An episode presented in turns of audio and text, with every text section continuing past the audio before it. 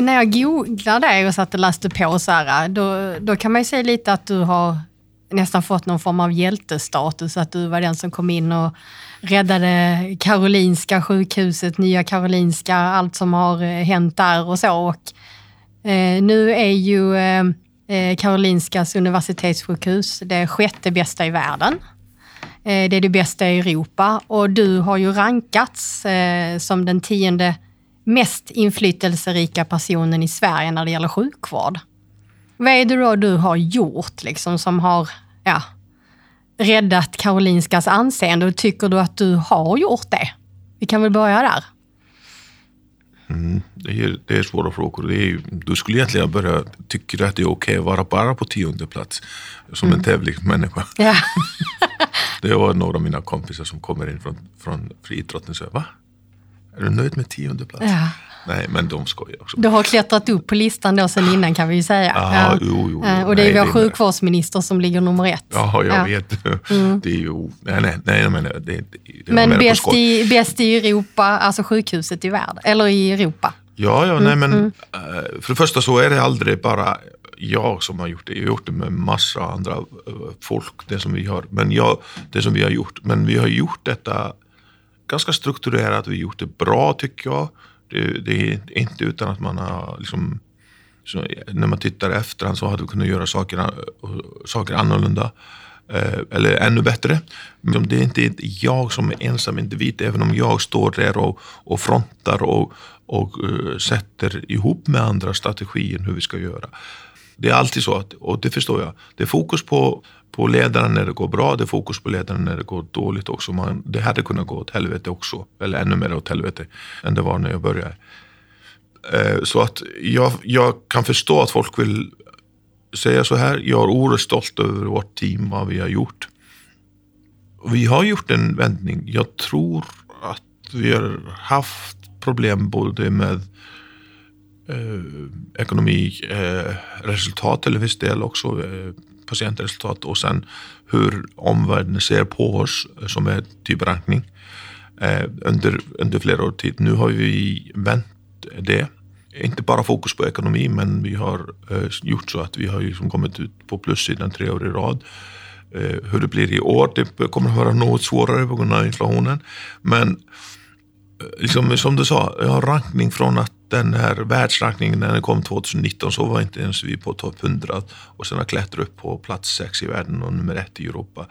Ja, Jag tror att det är ganska unikt för ett sådant litet land. Vi slår mm, Frankrike, Tyskland, England, de här kända ställen. Uh, tycker att det är fantastiskt på något sätt. Ja, det, det är det ju. Men jag tänker, vad, vad är det då liksom som har gjorts mer konkret då? Man, man kan säga så här att ehm, vi hade en ganska bra bas att börja jobba med. Liksom, Karolinska har alltid haft, menar, den har gjort så många världsförsta grejer där och, och, och har varit ledande inom så stora många grejer under flera år. Men Som till exempel vad? Ja, inom, inom eh, liksom första pacemakern i världen. Insatt där, eh, ledande inom, inom hjärnkirurgi och olika behandlingar där. Liksom så att alla inom neurokirurgi vet vad Karolinska är. Eh, eller innan jag tog över Karolinska då var jag väldigt verksam i, i såna internationella societies i olika grejer inom, inom min bransch, liksom rikskirurgi varit ordförande eller som kallas då eh, president för sådana saker. Alla, det enda, enda namnet som eh, Asia, Eh, de i Asien och i USA kände av sjukhus i Europa, det var Karolinska. Det var, sen visste jag att de fanns Oxford och sådana saker, men som sjukhus var det. Så vi hade en god eh, som, vi hade en, en bra pall att stå på och det var därför enklare när vi fick ordning och reda både på hur folk såg på oss, hur vi organiserade oss själva, vårt eget självförtroende, börja med att berätta med siffror, eh, få ordning på ekonomin och strukturen. Då plötsligt exploderade, eller liksom, jag säger inte explodera, men man kanske då får vi chansen att, att, eh, att klättra på något sätt så att folk tar oss på allvar. Du och jag träffades ju i början av 2023 mm. eh, på eh, Kistamässan, där det var en stor mässa kring hälso och sjukvårdsfrågor. Eh, och då pratade vi just om liksom vad ni har gjort eh, rent eh, konkret. Bland annat har ni ju kortat operationsköer och köer överhuvudtaget och sådär. Vad, vad, är det liksom, vad är det ni har gjort då för att organisationen då fungerar bättre idag? Mycket går ut på att förenkla. Eh, Sjukhus, eh, speciellt universitetssjukhus, otroligt eh, komplicerad verksamhet om du tänker. Det är inte liksom som en bilfabrik, det är en komplicerad verksamhet där du får in en patient som kan, när den kommer in för dörren, ha liksom typ 18 000 olika diagnoser och man kan köra 11 000 olika ingrepp. Eh, ja. Men det som vi, vi gick ut på, förenkla och sen att använda, när vi hade förenklat eh, verksamheten så mycket vi trodde gick att göra. Att då använda siffror för att eh, ta hand om logistiken, organisera oss bättre. Eh, vara väldigt tydliga på roller, vem gör vad. Och, eh, och vår ständiga mission också här med att eh, minska administrationen. Det är en utmaning att, eh, i dagens samhälle att eh, med de krav som finns på olika verksamheter att minska administrationen. Och, och vissa saker gjorde vi i vår organisation och gör fortsatt vissa saker där vi dubbelgör vissa saker eh, och även gånger tre i andra saker. Så att det vi förenklar bort med onödig administration, det här dubbelarbetet och även det som jag säger ibland liksom, kring administration och sånt. Ja, vi måste gå helt på det här need to have, inte det här nice to have. Mm. Och, det. Ja, det är vad vi mm. håller på Och vi håller på med det fortsatt. Det, liksom, det, det, tar inte slut. Om, om, man slappnar av så, så, så hamnar vi dit igen. Liksom. Speciellt när det, har varit, när det går bra. Liksom, så har vi en, en tendens att, att bli fler. Vi har en tendens att börja göra saker som kanske inte vi behöver. Och nu i, under svåra tider när det är mindre pengar och inflationen går upp och alla kostnader går upp då bör vi tänka på, här måste vi dra ner på, det här måste vi förenkla. Men många känner ju oro för eh, hälso och sjukvården. Eh, känner du någon oro för framtiden? Nej, inte det minsta. Inte det minsta? Nej. Ja, det är du helt ja, jag, så här, eh, snabbt svarat. Ja. Nej, ja. men det är inte en ovanlig fråga. Nej. Du, du är liksom inte, jag, ett, det är svårt att få mig att känna oro för saker. Mm. Jag, är inte, liksom, jag lever inte på oro. Eh, jag, jag, jag, brukar säga så här, med alla dessa utmaningar som står vi framför så har vi otroligt många möjligheter inom digitalisering, inom alla dessa nya mediciner. Tänk hur mycket vi kan hjälpa många här. Men det betyder att vi måste göra saker annorlunda. Vi måste våga att ändra hur vi jobbar. För annars kommer det inte att, att, att, gå bra. Det blir ingen som tar hand om oss liksom när vi själva blir äldre och behöver hjälp om, om, vi, om vi ska göra allt på samma sätt med dessa utmaningar. Men det finns så otroligt många saker som går liksom, som kan hjälpa patienten som håller på att utvecklas, som kommer in nu, alla dessa nya läkemedel, alla nya metoder, all, alla möjligheter som vi har med digitaliseringen att göra. Um, ta hand om sig själv, att, att, patienterna nu har blivit så medvetna om sin egna sjukdom. De bara inte lämnar över sig själv till sjukvårdspersonal eller läkaren. De är med i det här. Det är en otrolig resurs. Ja, det, det, har ju förändrats, tänker jag. Jag som har varit eh, kroniskt sjuk sedan barnsben. Att, eh, ja, och jag tänker, jag är ju också en sån där jobbig patient många gånger, brukar jag säga. För jag har ju jättemycket frågor och jag, det är inte så att läkaren idag säger till mig, men gör nu så här och bestämmer åt mig, utan det är ju mer en dialog, ett samtal hela tiden och jag får förslag. Det här kan vi göra. Mm. Sen får jag fatta beslutet själv och det tycker jag ju har förändrats mycket sen jag var ja, men yngre, barn och så. Mm. Ja, absolut. Och då, mm. då blir det också bättre när du tar det beslutet för då måste du hålla dig till det. Liksom det är någonting som du själv har tagit beslut om. Uh, och, och då tar du ansvar för det. Det är inte så ja. som jag sa att du lämnar, hej, här är min här, doktor, här är min kropp, mm. du får göra som du vill. Ja. Jag bara tittar på. Liksom. Ja. Men jag tänkte det här också när eh, man genomgår en förändring, man gör saker på ett annat sätt. Det ju, kan ju finnas ett motstånd också, många gånger. Ja, absolut. Mm. Men, men det, är, det är, som jag säger, det är ju alla dessa möjligheter som finns nu. Mm. Det är bara, det är bara att ta, ta och börja göra. Mm. Eh, vi ska lyssna på lite musik med Ulf, tänkte jag. Eh, sen har jag lite frågor som jag har samlat in eh, från eh, folk. Mm. Nu ska vi se vad Ulf har att bjuda på.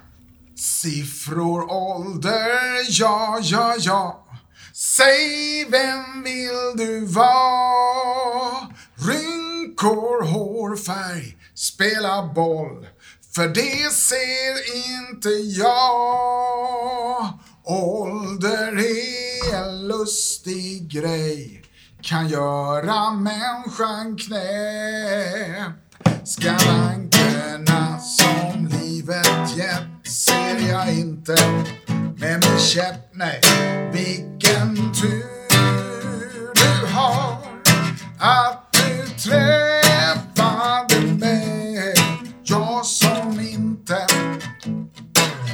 ser någonting av dig.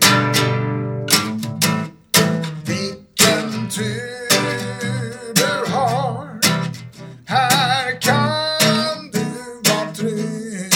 Och jag lovar, i mörkret är du snygg.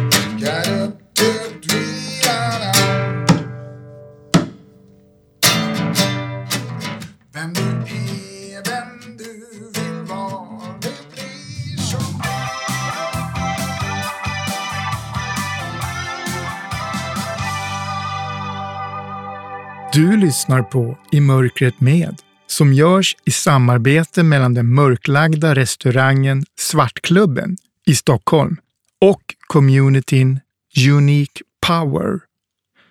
Unique Power arbetar för ett samhälle där funktionsmångfald är en självklarhet och där allas kompetenser och perspektiv tas tillvara på och ses som en tillgång. Unique Power kan hjälpa dig som företag eller organisation med rätt kompetens inom inkludering och funktionsnedsättning och erbjuder allt från utbildningar, föreläsningar till tillgänglighetsanalyser, rådgivning och användartester. Läs mer på uniquepower.se.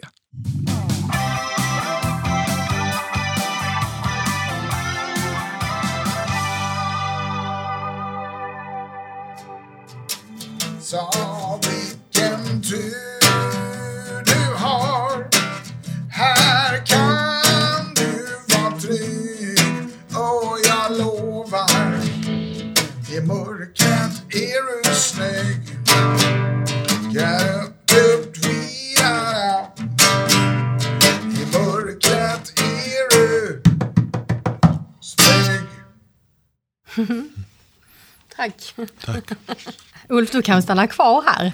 Jag sa ju det till, till dig innan Björn, att uh, Ulf är en sån person som är sjukhusrädd och gärna undviker sjukhus så långt det går, eller hur Ulf? Absolut. Jag går inte till sjukhus mer än jag måste, men för att inte ljuga, att jag, det, jag har ju varit blodtryckspatient ett tag och eh, det gör att jag har tagit en massa blodprov och jag, som sagt hela mitt liv så har jag svimmat så fort jag tar ett blodprov. Men nu har jag tagit det så pass många gånger så att det har börjat ge med sig. Jag svimmar Oj, inte längre. Nej, det är ju bra. Jag, jag pratar alltid om det så att de är medvetna om att de har en person som väldigt lätt svimmar. Men, men nu har jag slutat svimma faktiskt. Jag har inte svimmat i flera år.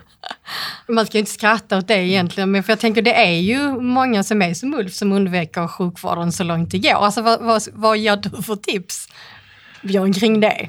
Nej, men jag tycker det är ganska klokt att undvika att vara på sjukhus om man inte behöver det. Ja, det finns ingen annan tips än att eh, liksom, har man, liksom, man måste ju ändå kontrollera sin hälsa. Måste säga att det är, liksom, eller måste, man rekommendera att man liksom, kollar blodtryck och kollar sina vanliga värden och sådana saker, socker och annat, eh, bara för att eh, undvika att hamna på sjukhus. Mm. Eh, sjukvård bör man söka när man har sina symptom och det är ju det är viktigt att man gör det. Annars, annars eh, kan det leda till att man hamnar på sjukhus. Ja, såklart. såklart. Jag, jag tänker också att ta det när det behövs. Då är det viktigt att man finns där. Ja. Får jag fråga, har du helt släppt att spela basket? Eller hur, Ja. hur gör du? Eller vad gör du för att, att, eh, motionera? Då? Eller, Att eh, halvspringa, det vill säga går fort. Eh, ute på Gärde där, jag- där jag bor och eh, försöker att göra det så många gånger i veckan. Eller då gå på gymmet och, och eh, löper på springbräda eller något sånt.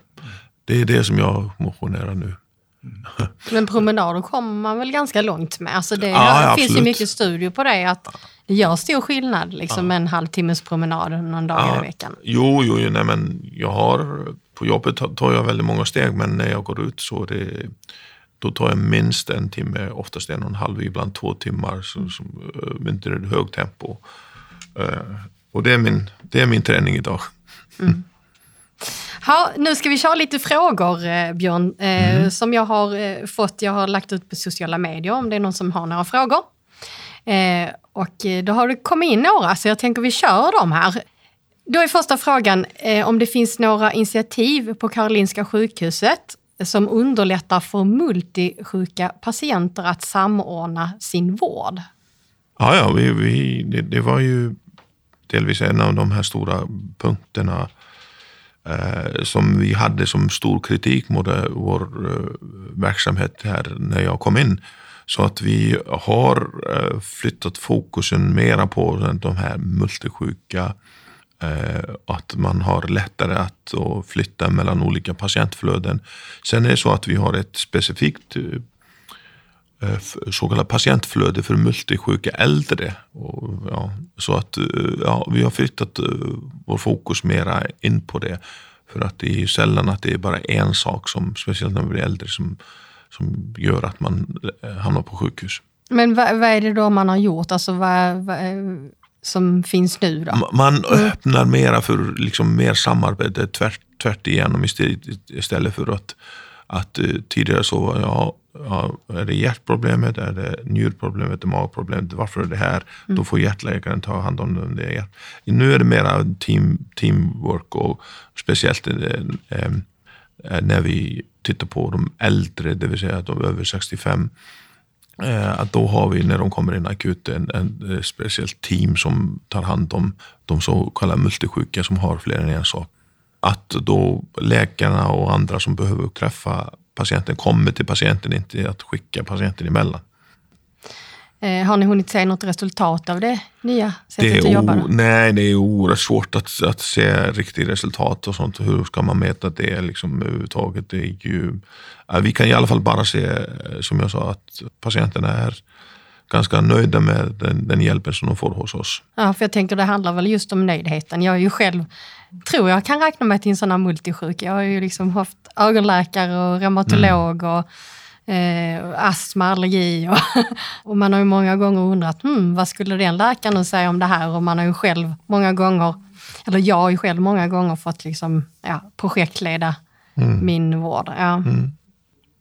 Eh, nu ska vi se här. Eh, ja, vad tänker du eh, kring arbetet med mer hälsofrämjande sjukvård? Mm, Jag tycker att man ska, det är klart att man ska hela tiden tänka på det. Eh, Och, eh, och sjukvården, det vill säga sjukvårdssystemet som helhet måste ta det. Men det är klart att vi måste alltid ta hänsyn till sådana saker. eh, Men på sjukhusen är det kanske lite för sent med vissa saker. Ja. Men jag tror ändå att det som är hälsofrämjande till våra patienter så tar vi, försöker vi att få folk att typ motionera eller ändra kost och sådana saker. De, rådgivningen finns dock. Men eh, större fokus på det, ja jag tycker att vi ska eh, lägga större fokus på det inom hela sjukvården. Jag, eh, som jag ser eller upplever eh, vår verksamhet så har vi ganska eh, lagom fokus på det eh, som efter att folk har varit hos oss eller under tiden att få rådgivning och sånt. Mm. Ja, nej, nej, jag, jag tänker att jag eh, kan ju själv så koppla den frågan till mig själv. Att, eh, jag menar sjukvården i Sverige den är ju inte, har ju inte varit så förebyggande utan det har varit om jag har blivit sjuk i min reumatism, mm. ja men då har man gett mig någon medicin eller jag har fått någon kortisonspruta eller man har gjort någon behandling och sådär. Men just den här frågan, men vad kan jag göra så att jag inte behöver den där medicinen kanske? Eller eh, vad kan jag förebygga innan? Det har varit svårt mm. att få den hjälpen. Mm. mm. Jag hoppas vi på att det blir mer med det framöver. Ja, men det är, så att jag, det, det, är klart att det kommer att bli mer om det framöver, men kanske mindre, eller inte mindre, inte lika stor fokus på inne på sjukhusen, mer inne i primärvården och sen ja. i det allmänna liksom, eh, ansvaret som varje individ behöver ta på sig. Mm. Och det finns ju mycket information att hämta om man vill. Eh, nästa fråga då. Mm. Eh, vad krävs för att eh, börja använda alla medicintekniska produkter som finns mer inom sjukvården då? Det här är en fråga från en, en kvinna som eh, eh driver ett medicintekniskt bolag. Mm, eh, ja, men ja, oftast är det så här att man använder de medicinsk-tekniska produkter som eh, man eh, ser att och har ett visad nytta. Eh, oftast är det också visad nytta versus eh, kostnad. Eh, om det är, kostar väldigt mycket och det är marginalnytta med lite nytta så är det inte lika lätt att få in sådana saker. Men jag tycker att, att medicinska tekniska produkter är vi ganska duktiga på att ta in när vi har någonting eh, som visar att det här hjälper till. Mm. Eh, det här är någon nytta för patienterna. Här eller att man, här är någonting intressant, vi ska forska på det och kolla om det är nytta. Så att där är vi ganska, ganska, ganska duktiga. Men det är ändå ganska många eh, bolag, alltså startups och sånt som har många bra grejer, men man når liksom inte hela vägen fram. Upplever du också det? Alltså, eh, mm. jag menar, bra har du hört talas om det? Ja. ja. det är klart man hört talas om att, mm. att, de, att de inte når fram, men um, Pengarna tar slut på vägen och sen så ja, når man inte ända fram. Mm. Oftast är det så att då är det kanske inte tillräckligt tillräckligt stor skillnad som de produkterna gör för att, att, eh, för att man ska använda dem. Oftast, oftast det. Sen, jag, jag ser nog att de allra flesta produkterna som gör den här stora skillnaden, de, och då ser jag stora skillnaden, de, de kommer fram. Eh, lite olika åsikter där då? Ja, mm. Förmodligen för var man sitter i den här. Mm. Man är olika beroende. Det är klart man tror på sina produkter hela tiden igenom. Men sen är det ju användarna och patienterna som har kanske en, en annan åsikt också. Ja. Vi var ju inne lite på det här med framtiden och utmaningar och möjligheter och så. Hur, eh, hur tänker du liksom kring din roll nu eh, på Karolinska framöver? Vad tänker du kring framtiden? Hur ser det ut? Framtiden ser ljus ut. Eh, vi har, vi har ekonomiska utmaningar, vi har utmaningar in i samhället med olika, hur samhället håller på att ändras. Och, och ehm, eh, vi har utmaningar om att kunna utveckla oss tillräckligt fort för att kunna vara världsledande som vi är nu. Men jag ser det så här, vi kommer att ha fler patienter här om några år. Vi behöver utveckla oss, vi behöver jobba annorlunda. Vi behöver våga att testa att jobba annorlunda och uh, använda de digitala tjänsterna som finns, uh, inte bara inom administration men även inom klinisk verksamhet. Så, så ser jag ganska just på vad vi är liksom, på väg. Uh, jag tror vi kommer att klara det. Mm. För, för, jag tänker det ställer ju krav på jag menar, både den kliniska verksamheten och personalen och kanske också på patienterna. Och så här. Vad, mm vad är din upplevelse? Alltså, finns det en öppenhet för att lära sig allt det här digitala och, och, och göra om mm. på ett nytt sätt? Eller finns det ett motstånd? Nej, inte riktigt motstånd, men finns det en liten rädsla, en konservativism som mm. är ju så här som vi som är utbildade inom sjukvård, vi är utbildade att, att ta nya saker försiktigt, visa att det gör nytta. Eh, och det, det överför vi ibland också på hur vi jobbar. Mm. Nu handlar det inte om vilken behandling det är, eller behandling, det är hur vi jobbar som vi måste tänka. Och det är klart att det finns en viss konservatism som är positiv. Men vi måste ändå våga att, uh, utveckla oss. Jag säger ibland, uh, som min uh, vän och kompis Christer Olsson säger, allt som inte utvecklas måste man avveckla. Mm. Det är ganska enkelt, men, men det är ändå så att vi måste utvecklas. Vi kan inte stanna här. Vi, Mm.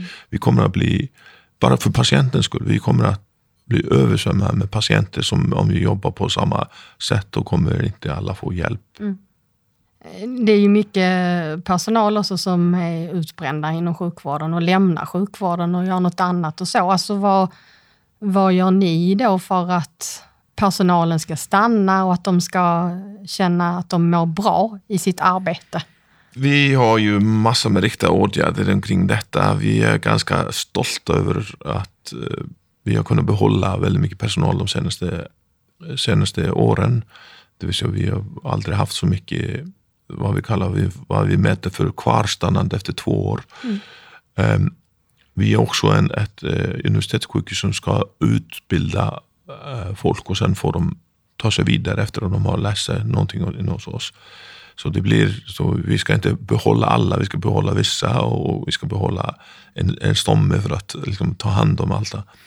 Vi har eh, haft åtgärder på olika sätt. Såna, det finns inte en, en enskild lösning på detta överhuvudtaget. Eh, men vi är ganska stolta över att liksom, sjukskrivningen, speciellt korttidssjukskrivningen hos oss är, är ju lägre än det var innan covid.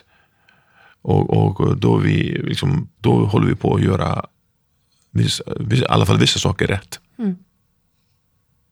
Eh, har du någonting du skulle så här, vilja skicka till politikerna då? För jag tänker att det är ju ändå politiska beslut som styr till mångt och mycket. Jag tror att vi måste tänka, och nu tänker jag som vit och ser vi Sverige då, att, att det är lite för mycket att ha 21 region som styr det här. Jag tror att det skulle vi må bra av att vara lite färre regioner och då större för att kunna jobba mer enhetligt. Jag tror att eh, det finns ingen anledning att ha konkurrens mellan olika sjukhus inom, inom eh, Sverige. Konkurrensen finns på andra ställen. Vi måste jobba lite mer tillsammans och vi måste också lära mera av varandra. Eh, och eh, eh, det som jag eh, till politikerna, ja, eh, lita mera på de som styr lite längre ner i, i, i eh, ja, i, i verksamheten få råd därifrån. Det handlar inte om alltid att få mer pengar, det är bara hur du använder dem som är det viktiga. Ja, eh, nu ska du få innan du lämnar här få skriva i vår gästbok, Björn. Okej. Eh, hur har det här känts då? Att sitta nu i mörkret. Hur länge tror du vi har suttit här då? Jag skulle gissa typ eh, 1,20 något sånt. Ja, du är rätt så bra gissat. Eh, 1.10. Det blir ett långt möte det här. Ja, det var ett långt möte. Men jag, fick, jag har fått babbla på lite. Jag brukar vara tyst på möten. Men, Men hur känns det då att ha suttit här nu? Att det bli... känns bra. Liksom. Det, är, det är en annan typ av upplevelse än man har haft tidigare. Vad, vad tar du med dig då härifrån? Oh, det var en bra, bra fråga. Eh, ja, att kanske man behöver göra något liknande om igen för att bara eh, för att göra annorlunda, för att få an, annorlunda perspektiv på eh, både livet och hur, hur andra har det. För nu har du ju försatts i blindhet i min och Ulfs vardag för en stund. Vad- Är det något så här, äh, som har kommit dig till insikt att oj, det här har jag inte tänkt på innan, men så här kan det vara att inte se? Nej, jag har kanske inte funderat så mycket på det, men ehm, det är mer att jag beundrar er som har den här lugnet och klarar er i olika situationer eh, utan att se. Det är mer att, att man tycker att det är nästan fantastiskt. Ja, jag var ju på Karolinska här, eh, vad var det förra veckan? Eh, och då kom jag ju in där i entrén och då såg jag ju ganska snart att det var ett sånt här ledstråk Ja. som man kan följa med käppen. Så, eh, ja, så det, det var ju en sån där grej som, ja, men det var ju bra. Jag, Ja. ty- jag tycker det är ganska roligt ibland så när jag har gått en tid så, så går jag på dem bara för skojs skull. Ja, ja, ja. Precis, ja nu har jag ju min ledarhund, hon var ju med mig då. Eh, Hon ligger här bredvid förresten, det har du kanske inte ens märkt. Nej, jag märkte inget. Ja, hon är här bredvid mig, hon är så tyst. Här kommer boken. Men ibland följer hon de där ledstråken också, det är ju lite fiffigt. Men annars är ju tanken att man ska gå och följa med vita käppen, eller om man ser då lite grann så är det också hjälpt. Det är en sån sak, det är ju kanske bra för alla egentligen. Det leder ju till hiss och sådana grejer. Vilken sida får jag skriva på? Nu ska vi se här. Eh, du skriver på, vad blir det från dig sett, hö, höger sida. Där. Och då får du skriva precis vad du vill. Om du vill bara skriva din signatur Ja, eller om du jag skriver tror en att det blir... Det kommer nog att räcka. Det blir som att skriva med vänsterhanden. Så, får vi se hur det blir. Ja, precis. Det är alltid spännande. Mm. Tack så jättemycket Björn för att du tog dig tid att Ja, komma tack. hit. Jättekul. Och Ja. tack för godis. Ja, Måndagsgodis. måndagsgodis. Du får ta någon bit till där in om Ja, du det är vill bra. innan. Tack. Ja. Du äter ju inte godis egentligen. Ja. Eh, Ulf ska följa dig ut. Mm. Och sen kommer jag ut också så vi ska bara ta lite bilder innan du ska. Du har lyssnat på I mörkret med. Och vill du vara säker på att inte missa när nya avsnitt släpps så gå in och prenumerera på oss i din podcastapp. Gillar du I mörkret med så får du gärna hjälpa oss att sprida podden och betygsätta oss där poddar finns. Och I mörkret med hittar du alltid på www.imokretmed.se och du når oss på e-post hej snabel-a imokretmed.se. Tack för att du lyssnar.